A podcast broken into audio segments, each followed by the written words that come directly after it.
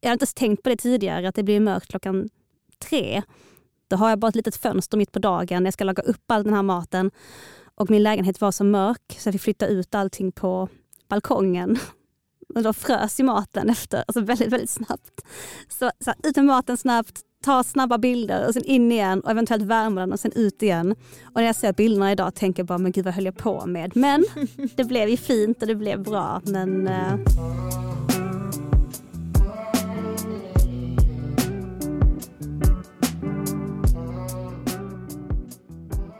Hej och välkomna till Malmö Darlings, en podd om en speciell stad och människorna som gör den speciell. Med mig Jonas Gillberg. Med mig Miriam Olsson Jeffrey. Och med mig Sally Wahlstedt. Och idag så ska ni få träffa en person som var ganska tidigt ut i Instagrams matvärld. Redan 2015 startade hon sitt konto som hette Vadå, Sally? Tuvessonskan är väl eh, det som folk känner henne som på internet. Julia Tuvesson. Ja, men det jag tyckte var lite fint var att hon eh, berättade precis efteråt när vi sa hej då om att eh, hon känner lite att hon har någonstans blivit en eh, Instagram-mamma för en massa nya eh, mat-instagrammare som dykt upp de senaste åren. Att folk eh, hör av sig till henne för att få råd. Och jag ska skriva min första kokbok, hur ska jag göra? Eller hur, eh, hur pitchar jag in den här idén till eh, ett förlag överhuvudtaget? Julia är ju inte så jäkla gammal själv, hon är 33. Men eh, hon har ändå hållit på så pass länge som det är ganska få andra som har gjort. Hon är ju lite mat-Malmö personifierad kan man säga. Men även om hon har nu då följare runt om. Hon har ju 93 000 följare. Vad säger hon om Malmö och mat? Det är så tydligt om man eh, följer Julia Tuvesson på eh, olika sociala medier att eh, hon älskar Malmö. Nu håller hon till exempel på med en guide som djupdyker i konditori Malmö. Alla gamla konditorier och berättar om sina minnen från när hon och hennes lillebror fick gå till konditoriet och köpa vetelängd till exempel. Mm -hmm. Och sen har hon ju också startat Facebookgruppen Malmö Foodisar som idag har över 8000 medlemmar där folk ställer frågor till varandra om Malmös krogliv såsom om jag på en torsdag ska hitta en restaurang dit jag kan gå två glutenintoleranta och tre veganer. Vart ska jag gå då? Eller om de vill hitta någon väldigt annorlunda asiatisk gochujang-sås eller vad det kan vara. Exakt. Jag får fråga om exosås då. Det är Gör så. Mm. Mm. Ja, ska vi lyssna? Det gör vi.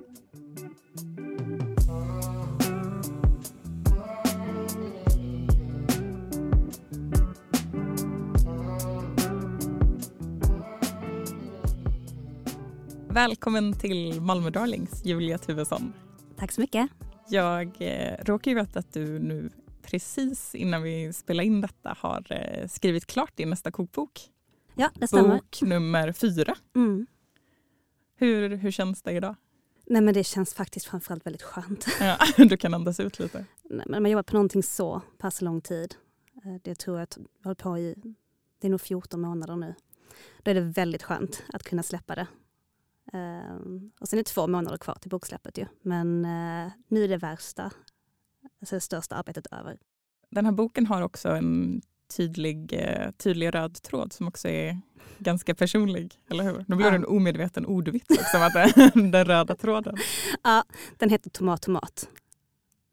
Och eh, det är en hel bok som eh, såklart handlar om tomater, både sommartomater och då konserver på vintern. Men med nischen att man följer egentligen mitt liv genom en, genom en råvara. Och hur fick du idén att göra en tomatbok? Jag tänker det finns en brynt smörbok innan och det finns liksom plåtmat och käka grönt. Det finns ju tydliga teman i de andra också, men hur kom det sig att det blev tomat nu? Men jag har hela tiden nya bokidéer som kommer upp. Sen väntar jag in den här lusten att börja skriva dem. Så det ligger massa påbörjade bokmanus i datorn och sen så händer det ofta någonting som får mig att verkligen sätta igång. När jag skulle skriva Tomat Tomat så höll jag på med en annan bok just då. Och sen eh, satt jag på simhallen och läste boken Home Cooking. Den, eh, den handlar om massa olika matberättelser kan man säga. Så det är inte en regelrätt kokbok. Men så läste jag den och sen började jag skriva ner. Så om jag skulle skriva en bok, alltså en kokbok om rätterna som har format mig som person, vilka skulle det vara? Och när jag kollade ner på listan så såg jag att det fanns en tydlig röd tråd där. Eh, alla rätterna hade tomat i sig på något sätt. Så då cyklade jag hem och sen så började skriva direkt. Och hela den kvällen bara skrev jag, skrev jag, skrev jag. Och sen kontaktade jag min förläggare dagen efter och bara, jag har en bokidé, jag vill göra den nu. Och hon sa okej okay, direkt. Och sen dess har jag skrivit. Och den här boken den är så annorlunda mina andra just för att det är så mycket mer text. Och det har varit alltså, fantastiskt kul att göra den typen av bok också. Vad var det på den där första listan när du började skriva ner dina matminnen och insåg att det var tomat i allihop? Vad var det för rätter som stod med? Det var mycket ketchup såklart. Jag skrev ner om alltså ketchupen till mitt Happy Meal och i hamburgaren. Jag skrev om Danmarksfärjan och den ketchupen man fick där. Jag skrev ner mormors växthus på Österlen där vi gick ut och plockade tomater tillsammans på, på kvällarna. Det var också eh, bröllopslasagnen som jag lagade till min och min mans eh, mottagning efter vigseln. Och eh, skrev om tomatpajen som vi lagade på sommaren. Jag skrev om gazpachon som jag och min mamma åt i Spanien när vi hade gått vilse. Så det var så många berättelser kopplade till både min barndom och mitt vuxna liv som eh, kom med där. Och de finns tolkningar på i, eh, i boken nu. Har du något sånt liksom, allra första matminne som du minns nu när du har liksom grävt ner dig i, i det här det senaste ja, året? Mitt första starka matminne som jag har, där jag verkligen du vet, kan visualisera rummet. Då måste jag ha varit ja, någonstans kring tre, fyra år. Och jag är i min mormors kök på på gården på Österlen.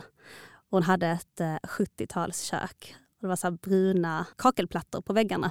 Och jag minns hur tallriken såg ut och allting. Och vi, det var frukost och vi åt gröt. Och hon lagade gröten i mikron och tog ut den till oss. Och jag älskar de här hårda kanterna man fick. Och vi la smör i och vi la sirap. Alltså jag minns liksom hela processen och hur det kändes. Jag minns hur det luktade.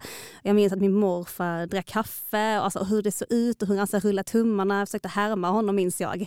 Och göra samma sak. Det kändes inte alls bra så här. Men jag, liksom, jag betraktade dem och därför så starkt minne för mig just för att jag minns, jag minns liksom allt i det där, i det där rummet.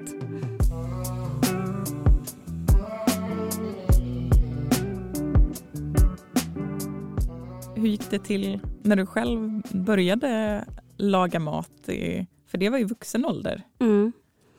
Nej, men jag hade inget matintresse när jag, eh, när jag växte upp eh, alls skulle jag säga. Jag tyckte det var så där kul att äta också. Det var verkligen inte någon hobby jag, eh, jag hade utan den kom när jag var runt 22, något sånt. Så det är fortfarande ganska tidigt men det var liksom inget, ingen hobby jag hade tidigare än så. Det kom egentligen under studentåren. Jag bodde i kollektiv och då bodde jag med en kock så jag såg honom laga mat hela tiden. Tyckte det var jättespännande att se hur han eh, gick tillväga. Och jag kunde egentligen ingenting då. Jag visste inte vad en zucchini var till exempel. Jag var helt chockad när vi var i mataffären. Han började visa mig grejer som jag aldrig hade tänkt på fanns där ens. Och min matlagningsstil blev tidigt att köpa det absolut billigaste som fanns i mataffären. Jag köpte allt som var på kampanj, allting som var i säsong, allt som var så billigt. Då plockade jag bort köttet rätt snabbt av den anledningen och började istället laga mat på rotfrukter och baljväxter. Och eh, jag kunde alltså ingenting alls. Jag kunde köpa hem rucola och visste inte hur jag skulle, vad jag skulle göra med det. Jag provade koka rucolan till exempel för att se vad som skulle hända. Jag provade steka den. Och sen så testade jag smakkombinationer tills jag hittade någonting som jag gillade. Så jag bara lagade mat typ hela tiden till sist. Uh, och blev helt galen i det. Jag älskade det. Jag, det var så illa så att jag liksom inte skötte mina studier periodvis för jag ville laga mat i stället. Och sen fick jag då min dotter när jag, var, jag skulle fylla 24.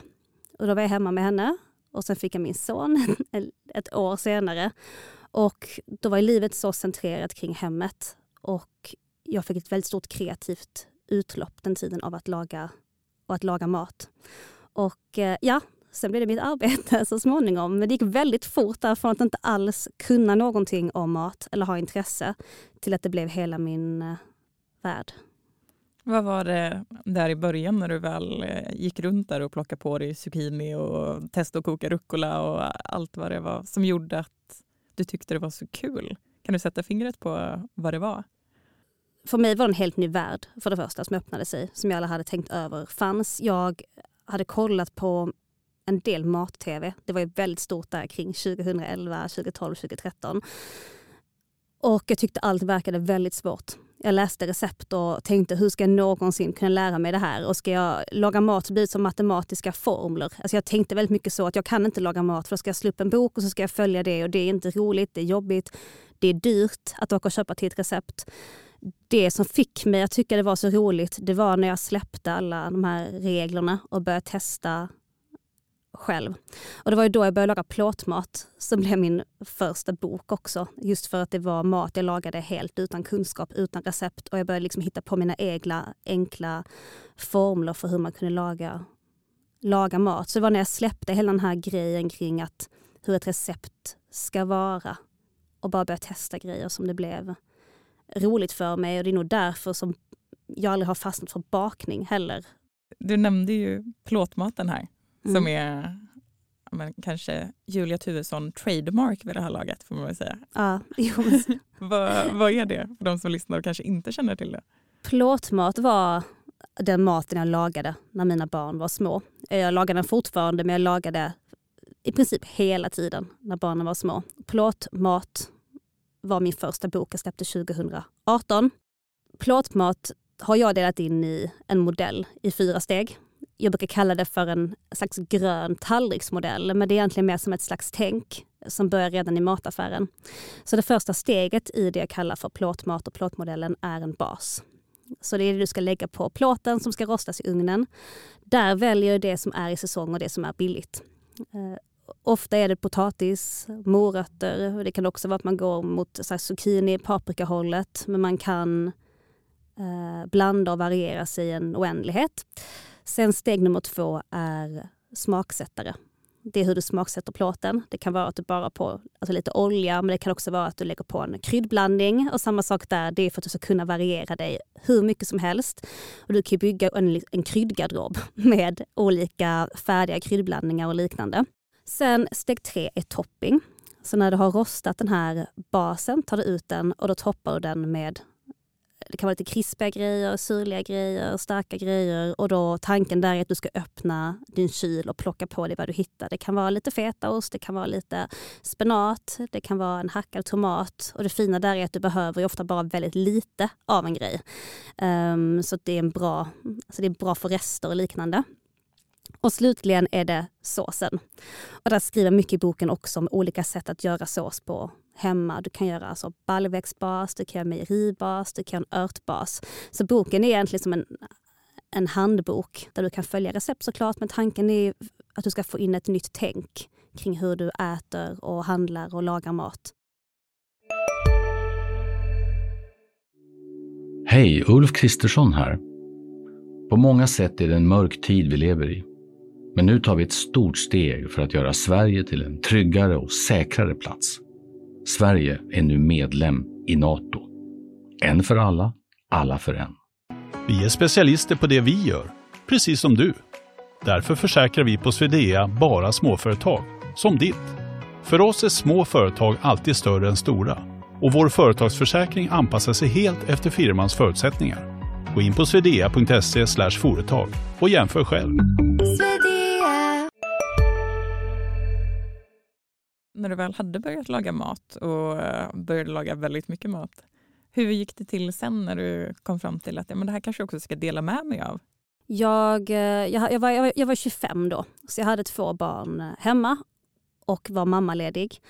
Och mitt yngsta barn hade kolik så han skrek väldigt, väldigt mycket. Så när min man kom hem där på, på eftermiddagen, kvällen, så brukade han ta båda barnen och så gick ut i köket. Och sen hade jag min, min tid där, där jag fick stå så här, i tystnad och laga mat. För mig var det typ meditativt att stå där och bara fokusera på det och känna ett slags kreativt utlopp. Då började jag även fota maten. Genom att fota maten så kände jag att det här skapade jag den här dagen. Jag kunde kolla tillbaka på det och titta. Och jag blev liksom glad av att ha de här bilderna på maten jag hade skapat. Det var som små alltså minikonstverk för mig. Eh, att titta på vad jag hade lärt mig och utveckling och, och så vidare. Sen startade jag en Tumblr för jag skulle spara bilderna på en plats och redan efter några dagar så, så märkte jag att jag gick in och kollade på statistik och sånt, hur, om någon hade sett bilderna och sådär. Och då tänkte jag, att jag kanske ska testa Instagram. Och det gick jättefort då. Det här var ju 15. Det fanns inte så många matkonton på den tiden heller. Jag hade ingen aning om att man kunde bygga ett community eller hur man skulle få följare. Det var helt nytt för mig. Men det gick jättesnabbt och bara, jag tror det var någon månad senare hade jag redan över tusen följare. Och sen gick det så snabbt efter det eh, med alla typer av jobb jag fick och liknande. Så det var en jätteöverraskning. Jag hade ingen aning om att det, att det kunde gå till på det sättet ens. Kommer du ihåg vad det första, första bilden du la upp var? Mm, jag tror jag la upp tre bilder samtidigt för att få igång kontot. Tror det var på en, jag tror det var en toast. Faktiskt. Ja, det var nog en toast. Den var jättefult redigerad. Och sen la jag upp ett eh, bröd också eh, samma dag. Och en getostlasagne. Jag tror det var sötpotatis i den. Den var, jätte, den var inte alls god. var den snygg på bild? Eller vad? Nej, inte det heller. Men jag, ville bara så här, jag var bara så glad för att jag lagade mat och skapade grejer. I början tänkte jag inte ens på Uh, alltså jag utvärderar inte mig själv alls. Jag bara tyckte det var roligt och mysigt att la upp. Jag tror också därför det blev så, ett så glädjefyllt projekt för mig. För att jag, uh, jag bedömde inte mig själv överhuvudtaget. Och sen fick du kokbokskontrakt mm. dessutom och fick uh, liksom, nå ut till folk i en helt annan sorts kanal också. Hur gick det till från eh, Instagram, Instagramkontot och eh, bloggen till eh, första boken? Ja, alltså det, ja, det är rätt galet hur det gick till. För alltså jag började lägga upp de här eh, maträtterna på Instagram. Och ungefär ett halvår senare så fick jag eh, alltså frilansuppdrag som receptskapare.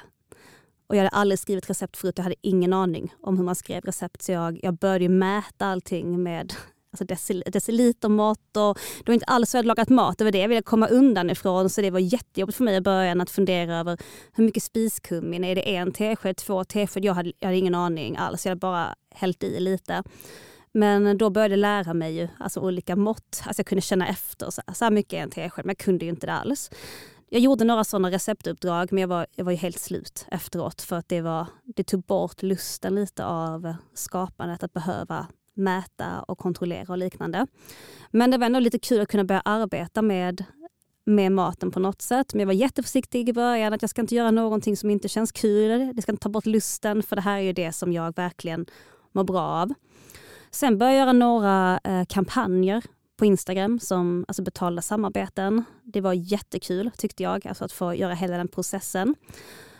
Sen, jag tror det var på pricken ett och ett halvt år sen jag startade kontot som jag fick ett mejl ifrån eh, Norstedts om jag hade en bokidé. Så det gick väldigt snabbt allting. Och det hade jag ju. Det var ju plåtmat som jag hade haft i åtanke. Om jag någon gång ska skriva en bok så måste det handla om maten jag lagade när barnen var små. Både som ett minne för mig att ha det alltså på papper och kunna gå tillbaka och kolla just den här halloumipytten, den lagade jag flera dagar i veckan. Eh, och att de kan läsa om maten som jag lagade. Men också för att jag tyckte att det var en, en bra modell. Jag ville att folk skulle läsa och, och, och laga den typen av mat. Jag tänkte det skulle vara ett bra hjälpmedel helt, helt enkelt. För då fotade du allting själv? Ja, eh, det, var, det var jobbigt. Men väldigt kul i efterhand att kolla tillbaka på det. För jag var ju ganska ung. Mina barn var ju jättesmå den här tiden. Och jag hade aldrig fotat med en systemkamera. Jag ägde inte ens. Jag åkte och köpte den billigaste på typ Elgiganten och hade ingen aning om, jag hade inget redigeringsprogram ens, jag hade ingen aning. Men jag var bara så beslutsam att jag vill, jag vill testa. Och jag är jätteglad för det idag, men det var ett galet projekt. För Jag kunde ingenting om ljus och någonting. Jag gick bara på känsla och så märkte jag när jag skulle fota i januari att det, var, det är mörkt. Jag hade inte ens tänkt på det tidigare, att det blir mörkt klockan tre. Då har jag bara ett litet fönster mitt på dagen. Jag ska laga upp all den här maten. Och min lägenhet var så mörk så jag fick flytta ut allting på balkongen. Och då frös ju maten efter, alltså väldigt, väldigt snabbt. Så, så ut med maten snabbt, ta snabba bilder och sen in igen och eventuellt värma den och sen ut igen. Och när jag ser bilderna idag tänker jag bara, men gud vad höll jag på med? Men det blev ju fint och det blev bra. Men eh, Är det så där att man liksom, om man plockar fram sin gamla plåtmat idag så kan man se små iskristaller om man tittar noga så, kanten på en tallrik? är, kanske en bild där, men jag var väldigt, väldigt noga. Jag, var, jag, ville, jag ville verkligen att den skulle bli alltså, jättebra, så jag var så hård mot mig själv också. Men eh, ja, det var lite kaos, men väldigt roligt. Men sen så är du egentligen etnolog Ja, i grunden. ja. Men jag hann aldrig, jag fick ju barnen tidigt. Jag var precis klar med utbildningen, hade en termin kvar. Sen fick jag barnen och var hemma med dem ganska länge. Och sen när jag gick av mammaledigheten så hade jag börjat jobba med maten. Och jag har såklart med mig etnologin hela tiden i mitt arbete och när jag skriver böckerna och när jag skriver texter till bloggen och liknande. Och det, jag är jätteglad att jag har den utbildningen med mig. För det är som att jag har det här kulturella perspektivet på mat och måltid och även det vardagliga perspektivet med mig hela tiden. Vilket ger mig, jag skulle säga att det ger mig nya uppslag hela tiden. För visst, jag skriver mycket om alltså recept, men det är bara en del av mitt Instagramkonto och bloggen och böckerna. Finns det något ögonblick som du själv minns sådär när, du, när du bestämde dig för att det är nog maten som jag kommer satsa på nu? Det blir, jag kommer inte gå, gå vidare på etnologhållet. Alltså jag... Jag tänkte aldrig så. Jag, eh, jag sökte jobb in i det sista. Inte som etnologen, utan jag sökte alla typer av eh, jobb under min mammaledighet. Jag jobbade på nattklubb innan och ville inte tillbaka till nattklubbsvärlden utan jag ville ju arbeta kontorstider. Ehm, jag sökte allt möjligt och fick inget. Och eh, då när det här med maten blev ett arbete så hoppade jag på det direkt. Men det var ju aldrig att jag, alltså jag kände så att jag ens kunde satsa på det. Jag var jätteförvånad. Och idag är jag ju jättetacksam för att jag inte fick något arbete. För det gav mig den här möjligheten. Men då var jag ju jättedesperat och jätteledsen och jätteorolig för min framtid. Och eh, sen blev det här mitt, mitt jobb. Men jag jobbade såklart jättehårt för det. Men jag, jag fattade inte riktigt att man kunde arbeta med det heller. Jag var jätteförvånad. Varje gång jag fick jobb i början så var jag så förvånad över att oj, kan, hitta dem genom Instagramkontot. Oj, får jag recept? Jag var så glad bara att jag kunde hit, hitta, vägar, eh, hitta vägar in i branschen. Och det kände jag i början att det var så otroligt med Instagram. att det, Jag hade inget nätverk, jag kände ingen, jag var väldigt ung. Jag hade inte kunnat gå till en tidning och presentera att jag ville göra recept. Jag, jag kände att hur, hur, skulle jag göra det ens? Hur, hur skulle jag kunna få det jobbet? Men genom Instagram så var det som en öppen online-portfolio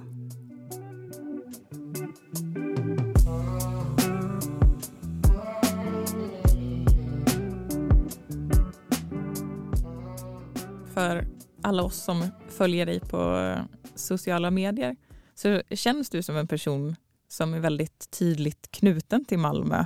Med, men, skriver guider om Malmö och Skåne och eh, hela Malmö foodies eh, communityt som du varit med och startat.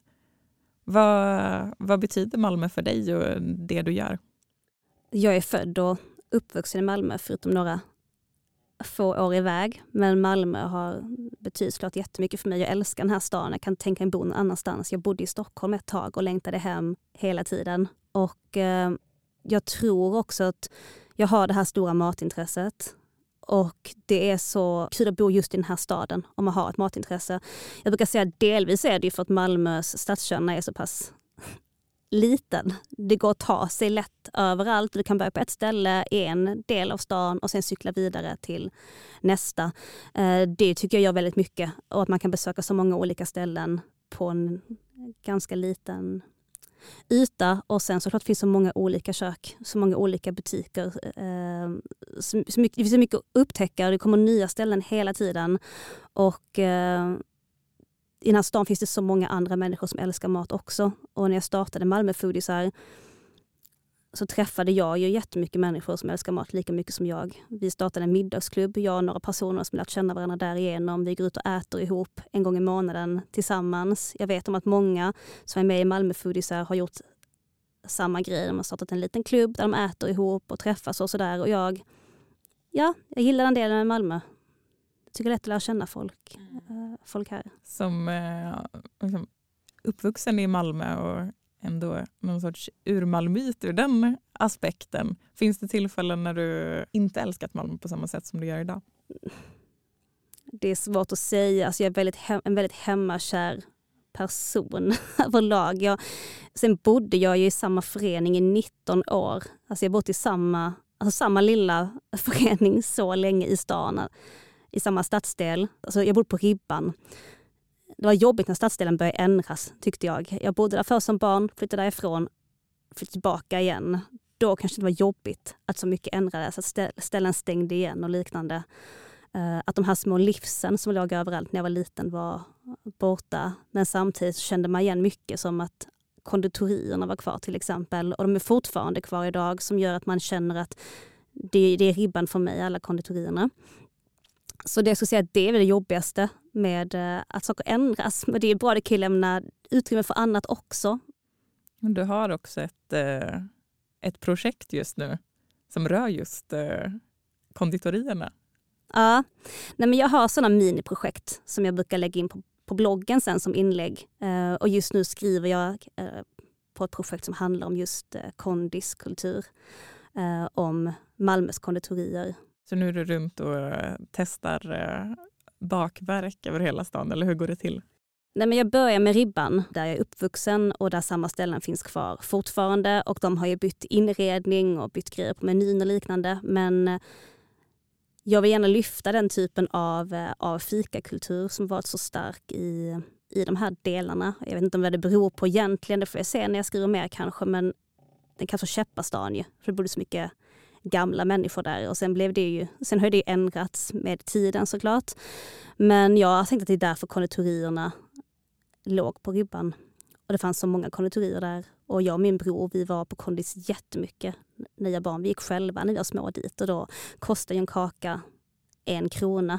Och så kunde man sätta sig i kafédelen och så fick man dricka gurkvatten gratis. Så att, det var så här, att man kunde ha den friheten som så liten. Det kanske inte är världens bästa gäster men min bror handlar fortfarande på det konditoriet så här, 25 år senare. Så, ja. Ni kanske inte var världens bästa gäster då, men ni blev i alla fall eh, trogna stammisar. ja, precis. Men jag, tycker det, jag, jag gillar ju när...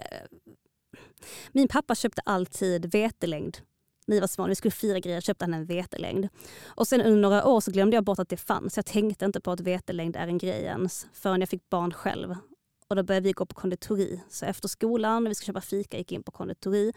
Och då började jag också köpa vetelängd och då började jag tänka på det, hur viktigt det är att de här ställena finns kvar. För det var som att jag återupplevde min egen barndom och, och de känslorna genom att kunna köpa samma grejer. Och de, de här bakverken smakar precis likadant fast det var 25 år senare så var den här pistagevetelängden, jag vet inte om det är pistagens i den där egentligen, men den smakar precis likadant som jag var liten och jag tycker det är jättetrevligt bakverk, köpa en hel längd och sen dela på den och det är liksom prisvärt, gott. Det, ja, jag tycker det är, det är väldigt trevligt. Mm. Länge lever kondiskulturen. Mm.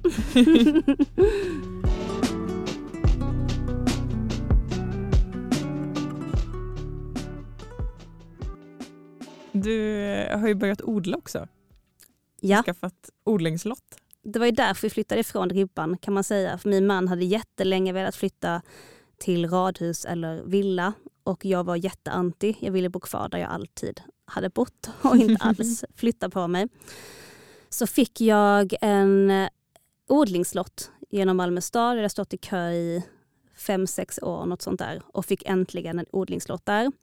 Och eh, när jag ställde mig i kö så hade jag inget intresse för odling. Jag var väl 26 något sånt. Men tänkte att jag ställde mig i kö för mitt äldre jag. För jag kanske då skulle tycka det här var roligt. Och jag hade helt rätt i det. Jag tyckte det, det kändes väldigt kul när jag fick den. Uh, och det var liksom en åker bara kan man säga. Det fanns ingenting där. Så vi började så gräva upp och vi kunde ingenting. Och jag kände samma känslor för uh, odlingen som jag kände för matlagningen i början. Det kändes... Alltså det här att det är en helt ny värld. Jag kan ingenting nu kan jag lära mig från, eh, från början. Så jag började vara där i princip varje dag och gräva och planera och rita upp och, och hålla på.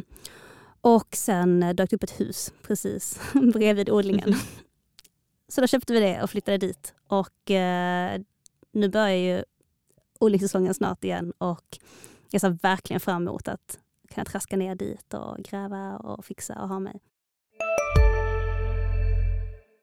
Hej, Synoptik här. Hos oss får du hjälp med att ta hand om din ögonhälsa. Med vår synundersökning kan vi upptäcka både synförändringar och tecken på vanliga ögonsjukdomar.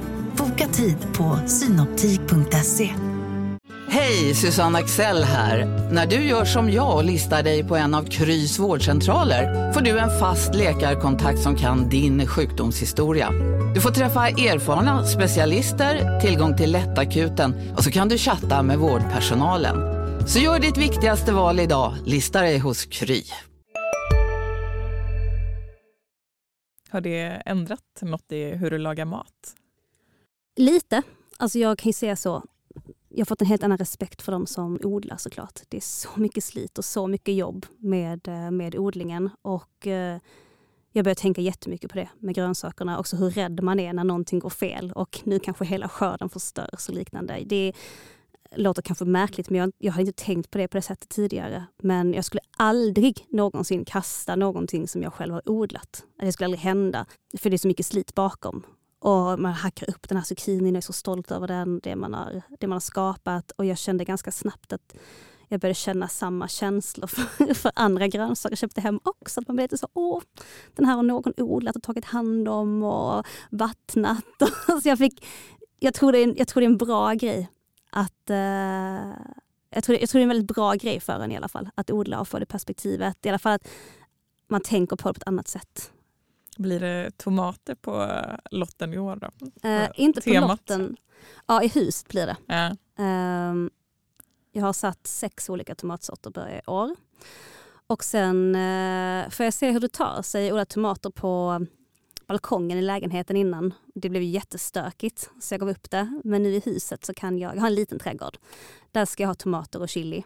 Och på odlingen så satsar jag lite mer på snittblommor i år.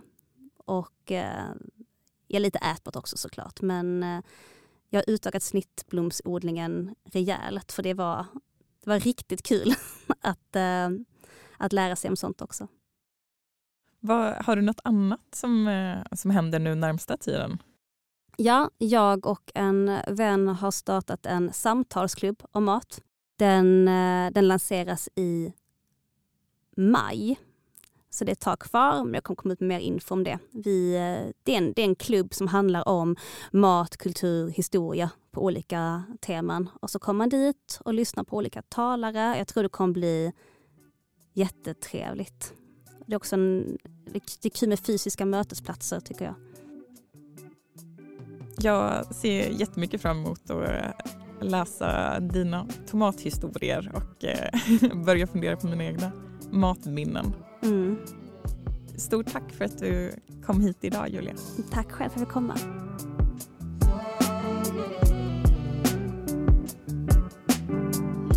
Du har lyssnat på Malmö Darlings med Julia Tuvesson. Producent för den här podden är jag, Sally Wahlstedt. Och klippt det här avsnittet har jag gjort tillsammans med David Hellander. Följ den här podden där du lyssnar på poddar så missar du inte nästa avsnitt. Sydsvenskan har eh, flera poddar som precis som Malmö Darlings är ganska nystartade. Så eh, uppskattar du den här podden så kan du även passa på att lyssna på Kulturredaktionens podd Gräv bort Skåne eller nyhetspodden Du lyssnar på Sydsvenskan. Dessutom har vi vårt dokumentärpoddformat Sydsvenskan Dock där vi just nu tar upp jakten på hundplågaren i Malmö. Vi hörs nästa gång.